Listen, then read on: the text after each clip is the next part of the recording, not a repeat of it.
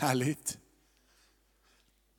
Fint att se Lukas där bakom här. Det var nog första gången jag har sett, jag vill inte för att du inte kan spela och sjunga, men det var första gången som jag har sett dig eller hört dig, fått prisa Gud tillsammans med dig.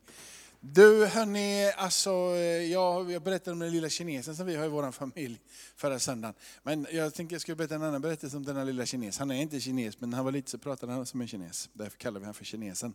Inte längre för att han lärt sig att prata. Men det var inte för att vi var elaka, men det kom fram att han hade vatten bakom örat.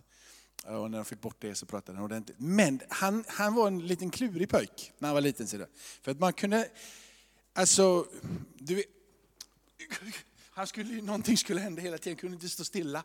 Och skulle han göra, springa på någon liksom lek som han gjorde, från ena sidan till den andra. Och så skulle man hålla varandra i handen, till exempel hoppa i sidan. Så här, vet, så här, man hoppar så här, hopp, då, så. då var dit först. Det var det som gällde. Så alla andra släpades ju efter honom, för han drog ju. Det var liksom, alla andra skulle liksom göra sådär, hoppa sidan, men det gick inte med honom. Han var ganska snabb helt enkelt.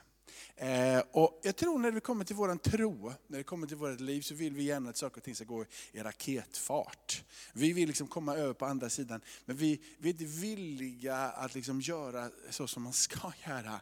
Eller, eh, det tar sin lilla tid att göra det ordentligt. Utan vi ska liksom över, in och igenom, innan vi ens har liksom förmågan, förståndet, att komma till andra sidan, eller vara på andra sidan. Det är inget fel i det. Matteus som han heter, han, han har blivit en riktig ordentlig pojk eh, utav honom också. Men det, liksom, det har ju tagit, eh, tagit några år.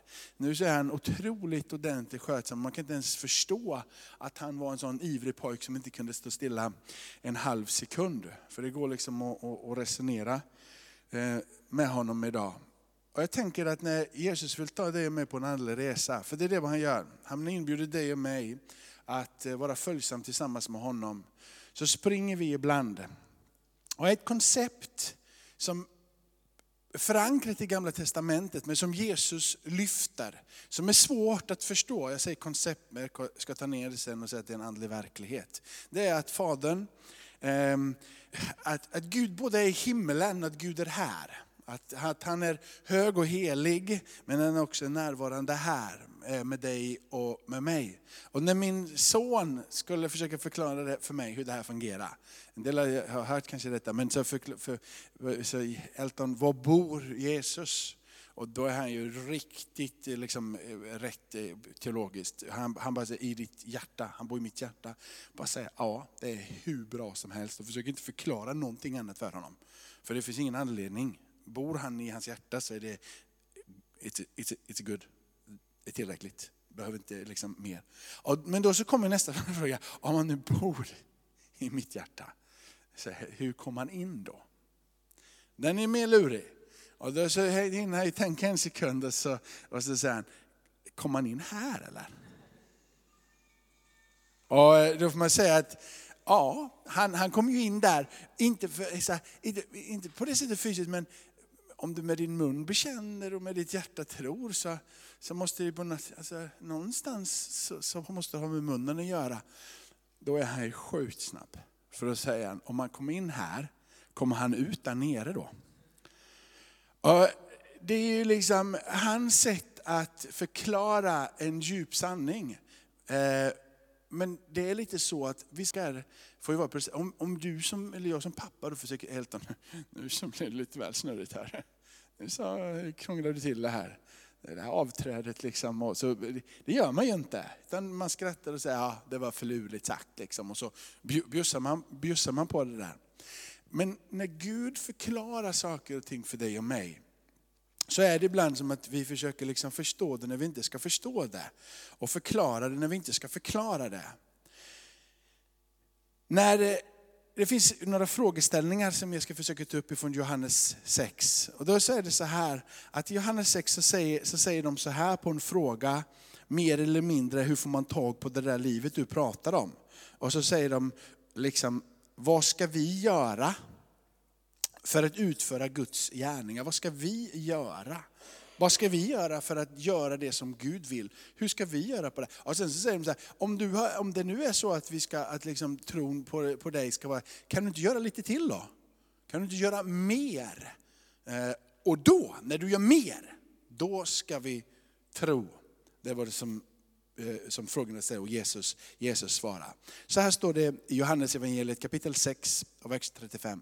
Jesus svarade, jag är livets bröd. Den som kommer till mig skall aldrig hungra och den som tror på mig skall aldrig någonsin dö. Kom ihåg det första, jag är livets bröd. Så här står det i Jesaja 57 vers 15. Eh, hör, så säger den höge, upphöjde. Han som tronar ifrån evigt och heter den helige.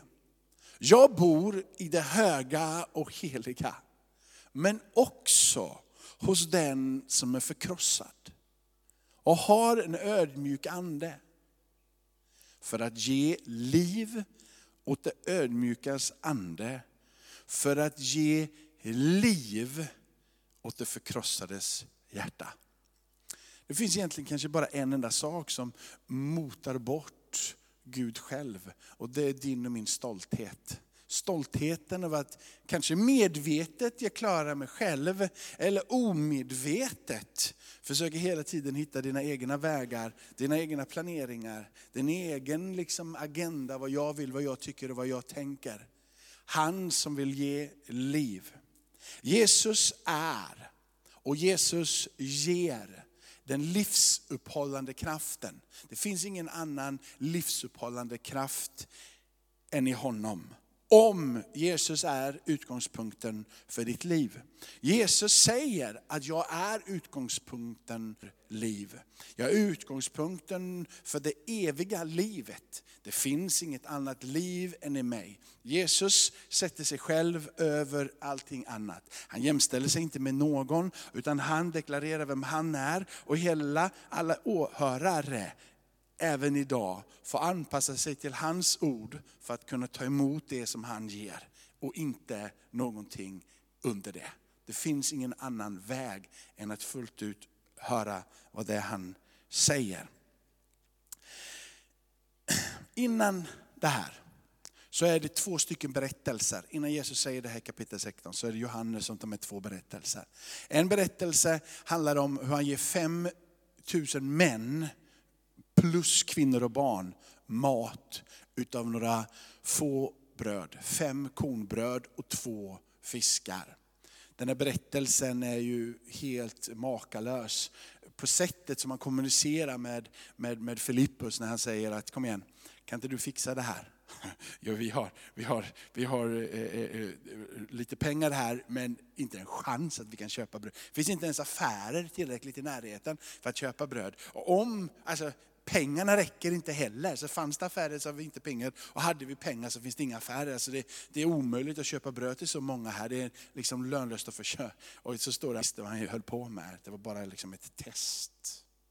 Och sen så möter han den andra lärjungen som kommer fram till honom och säger, du vi har sett en liten pojk här. Och den här pojken han har några bröd här och några fiskar. Du, eh, men det här spelar ingen roll överhuvudtaget. Och Jesus säger, ta hit dem. Jesus tar dem i händerna och han tackar Gud. Och sen bryter de det här och delar ut det.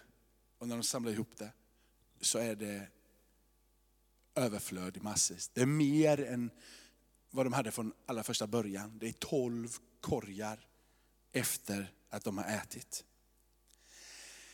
Nästa berättelse som innan Jesus säger det här, är den när han går på vatten. Han har varit där och de har sett det här, de är helt förundrade över att han har gjort det här miraklet. Sen så drar han sig undan på kvällen och dagen efter så är inte Jesus där. Lärjungen har dragit vidare, han har dragit vidare. Han har gått på vatten, skriver Johannes i sitt evangelium. Han har gått på vatten och lärjungarna blir förundrade över att han har gått på vatten. De blir till och med skräckslagna efter att han går på vatten. Så var inte lugna, var inte rädda, inga problem, det är jag. Och eh, innan han ens hinner komma upp i båten så är de på land. Eh, folket som har varit i rörelse runt omkring tycker att detta var eh, oerhört märkligt. De letar upp, letar upp Jesus. Jag skulle vilja titta på det här folket. Hur reagerar folket, lärjungarna? Hur tänker lärjungarna eh, när de står där. Och jag, jag skulle vilja liksom adressera det verkligen enkelt i ditt och mitt liv. Eh, jag mötte en kvinna här för, för ett litet tag sedan, vi pratade om, om, om hennes tro. Och hon berättade att, att men jag har fortfarande kvar min tro, men det, det är inte speciellt mycket kyrka och det liksom, finns inte, alltså bönen är inte så, liksom, men hon tror.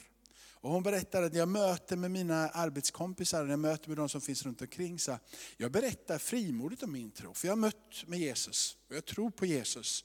Men jag ger inte så mycket för det som är runt omkring, för jag, ah, jag passar inte mig, eller jag passar inte in. Eller sådär. Men när hon får prata bara om Jesus, så, så, så tänds någonting på hennes insida. Men hur mycket hon än försöker prata om Jesus, så säger hennes kompisar, jobbiga kompisar, jag fattar inte vad du pratar om. Hur kan det vara på det där sättet? Hur, liksom, vadå? vadå att det finns en ande och det finns ett möte med Jesus? Jag förstår ingenting överhuvudtaget. Hon säger, för mig är det jätteverkligt. För mig är det det mest verkliga jag kan prata om. Köp inte så mycket av det andra, liksom, det som vi försöker be. Och, nej. Men när du kommer att prata om Jesus så är det viktigt för henne. Jag tror att de här berättelserna här runt omkring är oerhört märkliga även för det gänget är då. Jag tycker att de är oerhört märkliga. Mat i överflöd trots att det inte fanns någon affär. Gå på vatten, en omöjlighet. Men du vet, det centrala det är inte att börja sin andliga resa med att tro på de här två berättelserna. Utan det är att börja vända sig till han som är centrum för de här berättelserna. Han som äger berättelserna, han som är berättelserna. När han får vara i centrum, så börjar en resa till att kunna på något sätt få i de här berättelserna lite efter lite in i vårt system. Kunna mala ner dem, kunna liksom tugga på dem, kunna bli ett med dem och kunna en dag till och med tro att det var sant. Trots att det är så oerhört märkliga och långt borta ifrån all ja, förnuftmässigt överhuvudtaget. Men när han får vara i centrum så blir det skillnad. När han får vara den som får vara den som ger andligt liv. Inte miraklerna i sig, men han ger andligt liv.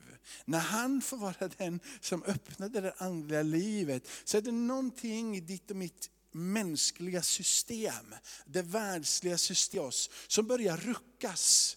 Det är någonting på insidan som har inte velat tro, men som tänds så vi säger, jag vill tro. Hjälp min otro.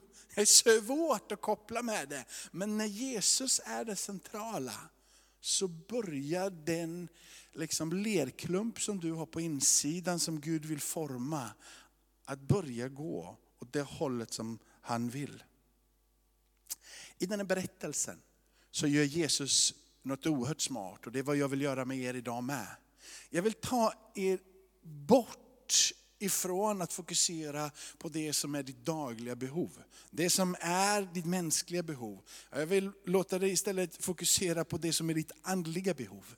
För när ditt andliga behov får vara i centrum, så är det någonting som börjar ske på din insida. En längtan efter vem Gud är. Jesus är smart, han möter med, med dem och så säger han till dem, hörni, tänk inte så mycket, här berättelsen, tänk inte så mycket på det mat som har med ert vanliga bestyr att göra. Tänk inte, ha inte så mycket omsorg om bara det som är nu, utan sätt fokuset högre. Och så säger Jesus, rikta blicken upp. Rikta blicken uppåt. Våga sträcka dig och röra dig mot det som är andlig mat. Och då är frågan, finns det någon andlig mat? Och vad är andlig mat? Och hur får man i sig andlig mat? Och Jesus börjar direkt prata med dem att ni behöver den maten som Fadern ger. Ni behöver en mat som inte är fokuserad på det som tillfredsställer det fysiska livet. Ni måste våga sträcka efter någonting, någonting helt annat. Han låter dem förstå att de inte bara bör tänka på det dagliga livet. Han säger att ni bör använda er kraft, det ni har fått av förmåga, att söka det eviga livet. Och så säger han det som är så konstigt, som ingen människa kan förstå annat som Jesus själv säger. Fadern måste dra er till sig. Fadern måste själv dra i dig för att det ska bli verkligt. Han säger, jag är det här eviga livet. Människosonen har kommit för att ge dig andlig mat, för att ge dig andligt liv. Gud, Fadern, har sänt mig. Och han har sänt mig bara för det syftet. Det här det kommer in, frågeställningarna som jag sa i början. De här djupa sanningarna som på ytan inte låter speciellt djupa, men som är fruktansvärt djupa. För när Gud står själv framför dig och mig och säger att jag är här, så frågar de,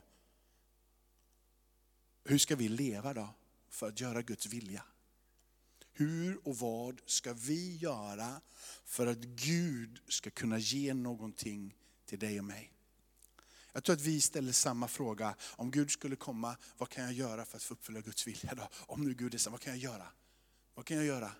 Eller? Eller jag tror vi är precis likadana i alla avseenden. Vi är vana vid att jag producerar någonting, jag får någonting. Jag gör någonting så får jag någonting. Och ska jag få någonting i den världen överhuvudtaget så måste jag göra någonting. Eller? Ingen av oss sitter bara hemma och väntar, nu trillar nog ner en guldsked från himmelen och så kan jag äta min mat med det här. Vi, vi vill alla producera någonting. Vi är vana vid det, vi är tränade i det och vi är fostrade och vi har blivit tvingade att gå den resan. Vare sig vi vill eller inte. Du fick inte dina betyg i skolan gratis och du får inte något lön på kontot heller utan att ha arbetat. Vi är så präglade utav vad kan jag göra? Så vi har tagit det in i vår vandring med Gud med. Likadant som dem. Och nästa steg i det hela, inte bara vad kan jag göra, utan du som lever mycket i kyrkan, kanske hör på detta och sitter där hemma och tänker, jag måste göra saker rätt först för att överhuvudtaget få någonting. Inte bara att jag ska göra någonting, utan jag ska göra det rätt. Jag ska leva rätt, jag ska leva heligt, jag ska göra allting rätt. För om jag inte gör allting rätt så kan jag inte få ta emot någonting överhuvudtaget. Men när vi kommer till att förklara det som ett barn, så accepterar vi det fullt ut. Jag bor i ditt hjärta. Han kan inte förklara det, men han tror på det någonstans, lilla Elton. Den här kvinnan som inte lever i någon liksom, kyrka på det sättet, men har en gudstro, hon bara Jesus är totalverklig. Du accepterar det. Ändå idag när vi säger det här, så, men någonting rätt måste jag väl göra för att få någonting av Gud. Eller så tillhör du en grupp som kanske bara glidit in på bananskal här idag. Även, eh, eller liksom lyssnar där hemma. Jag vet inte varför du egentligen lyssnar, men du lyssnar.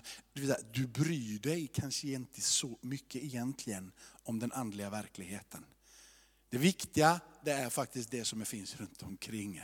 Det som har med ditt andliga väl, det är okej, okay. jag köper det liksom på, på liksom, och blir det något av det på ett bananskalsvis så tar jag emot den här anden. Men egentligen, om både du och jag ska vara ärliga, så ligger ditt och mitt mesta av vårt fokus på att vi ska se till att vår vardag fungerar.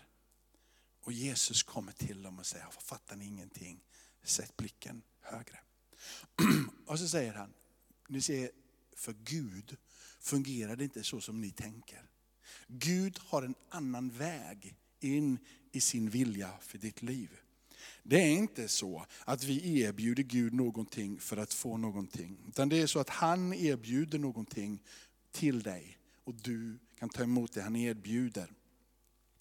Och så säger han i de här orden, Guds vilja är att vi ska tro på han som har sänt. De frågar, vad kan vi göra? Och Jesus svarade, tro på mig. Tro på han som sänt. Den första frågan, vad kan jag göra? Blir söndersparkad och krossad utav inbjudan att bara tro på han. Att inte försöka, att inte prestera, utan att välja att fokusera på han som utför miraklerna istället för på miraklerna. Att fokusera på han som kan ge istället för att du ska få för att du gör. Och det som är det oerhört märkliga med den här frågan, Guds vilja är att ni ska tro på han. Det är att gänget inte kan ta emot det. Det är för enkelt, det är för simpelt. Det är då de börjar fråga djupare frågor. De vill inte bara tro att det är så enkelt, utan de börjar gå djupare i sina frågor. Om vi ska tro så måste du göra mer för oss. Tro på mig. Och sen så blir deras gensvar, när de nu har tagit sig dit, du måste göra mer. Du måste göra mer. Och det är då Jesus vänder på det helt och hållet och säger så här, jag behöver inte göra mer. Det är då han börjar prata om brödet som kom ifrån himmelen. De säger, Mose gav oss brödet ifrån himmelen.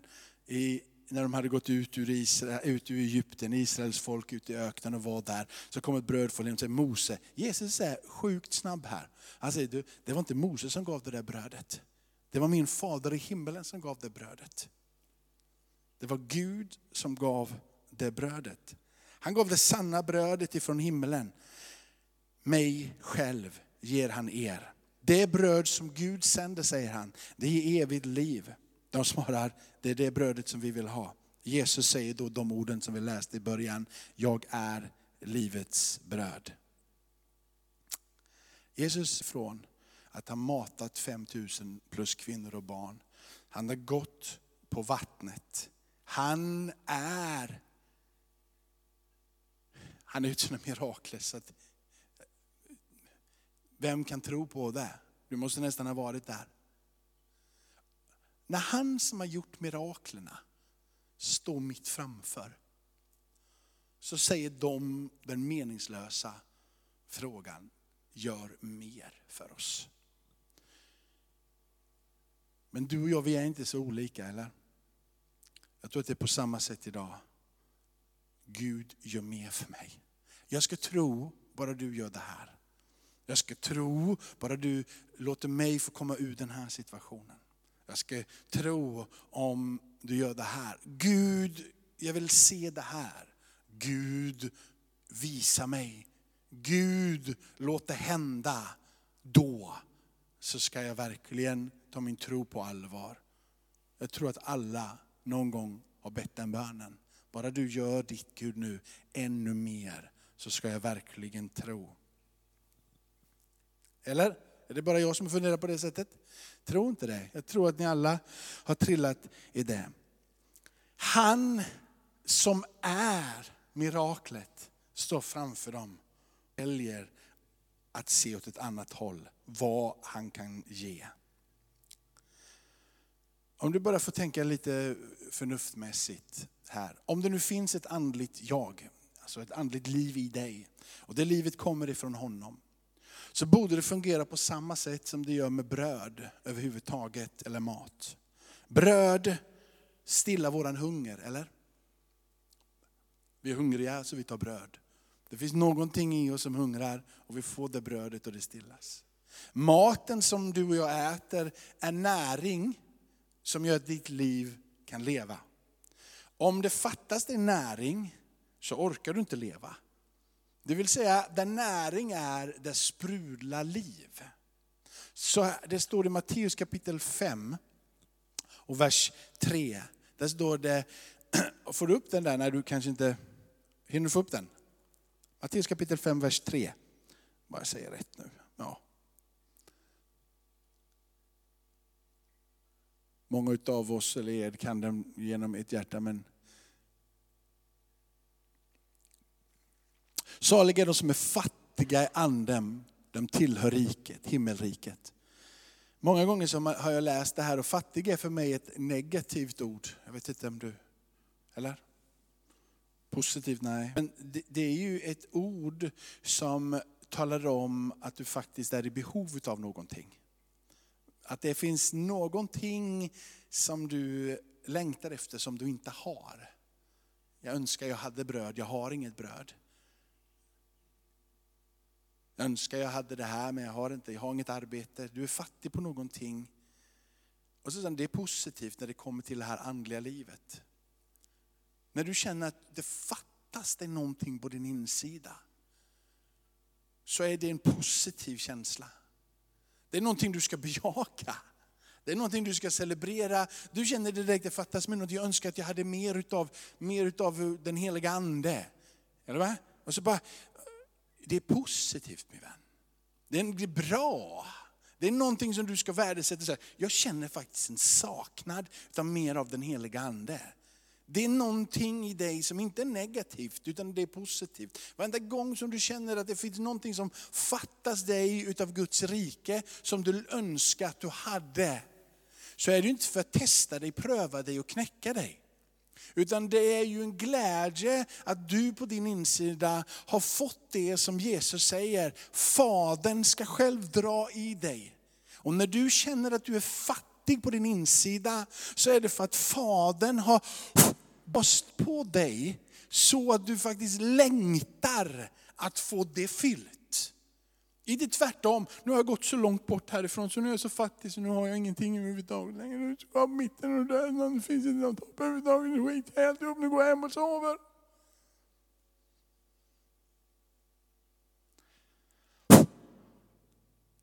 Det är han som har blåst. Han drar i dig. Omfamna så fort du känner att du är fattig. Omfamna så fort du känner att du inte har det du längtade och drömde om att du hade.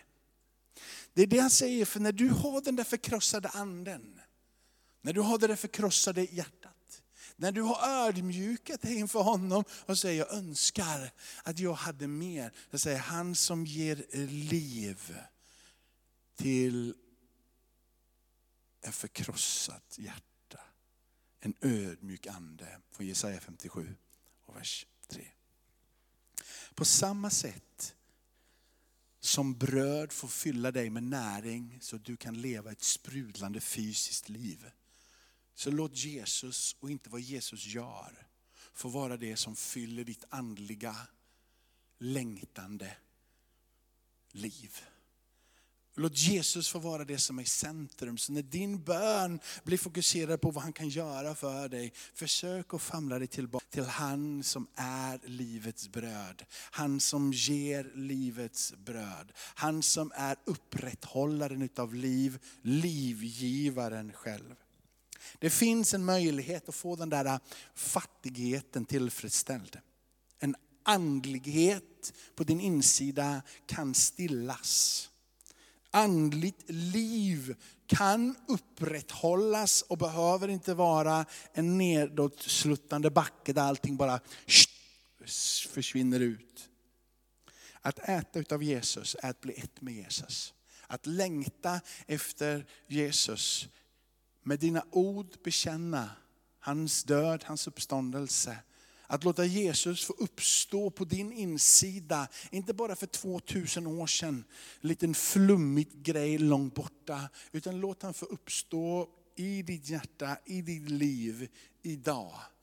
Då blir du ett med Jesus. Ett med Jesus är att få tillgång till det upprätthållande livet. När du sen börjar vandra med honom så blir du beroende och vill ta del av hans undervisning. Och när han sen inbjuder dig att få bli döpt i helig ande och kraft. När han säger, jag vill döpa dig i helig ande. Så finns allt det överflödande livet, undervisningen om Jesus och allting som han gjorde, lärde och sa. Tillgängligt för dig i det här livet. Eh, och inte bara i det nästkommande livet. Från den platsen är det som vi ber idag. Vi ropar till Jesus för att han är levande. Och för att han ska bli levande i alla de folk som finns och lider och svälter både andligt och i tider av Corona. Låt oss bjuda in Jesus och sen ber vi för världen. Tackar dig Fader i himmelen att vi får ropa till dig om din sons uppenbarelse. Att du har gett oss av anden så att vi kan få Jesus förklarad, uppenbarad för oss varje dag. Insikten om vem Jesus är och det liv som han ger, låt det få vara för våra ögon. Låt det få vara det som är brinnande på vår insida. Vi vill inte söka miraklerna, vi vill söka han som gör miraklerna. Vi tror att du Jesus är livsgivaren. Vi vill känna oss fattiga i anden och himmelriket är vårt. Vi vill känna oss fattiga, att det är någonting som vi behöver, någonting som du själv gör i våra hjärtan. Lägg en längtan, en dra i oss. Så som Jesus säger att Fadern ska dra, dra i, uppenbara för oss vem du verkligen är, så vi kan tro på allting som du gör. Vi vill vara att du är i centrum Jesus. Så att vi från den platsen kan be i ditt namn till våran Fader i himmelen. Jesus, du sitter på Faderns högra sida, men du bor också i våra hjärtan.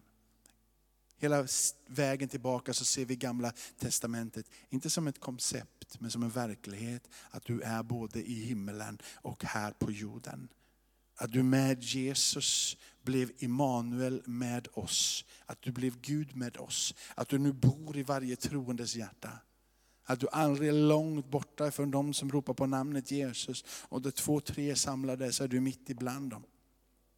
Att vi kan be själva, att vi kan be tillsammans. Och det vi kommer överens om att be, det säger du, det vill du svara.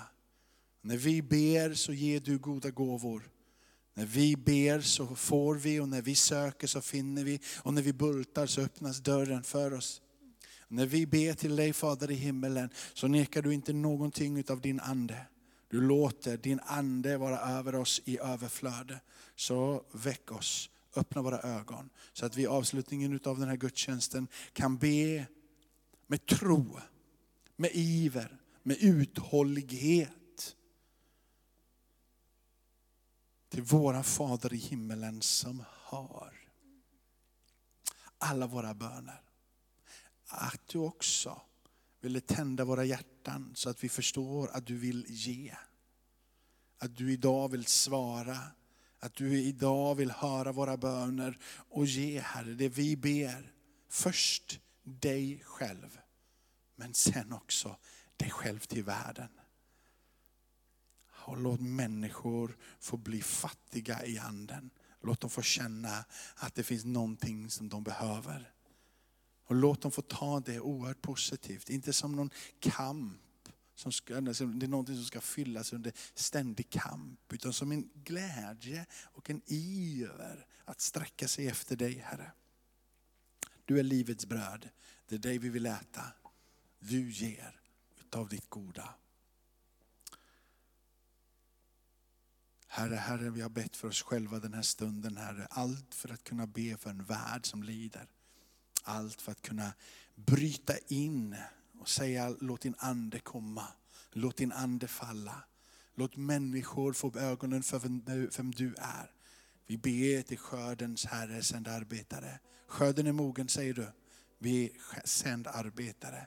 Låt den här tiden innan allting uppmälet få förbereda ditt folk så att det står människor redo att tala ut vem du är. Låt kyrkorna göra sig redo. Låt det få vara ett bönens hus och en bönens plats fram till den dagen samhället är öppet. Så att när människor söker så finns det en eld i varje gemenskap. Det finns en eld i gemenskapen i hemmen, det finns en eld i gemenskapen i kyrkan. Det finns en eld som är redo att antända alla som kommer i dess närhet. Låt den här elden få brinna klart och tydligt. Du döper ju i helig ande och eld. Be till dig Herre.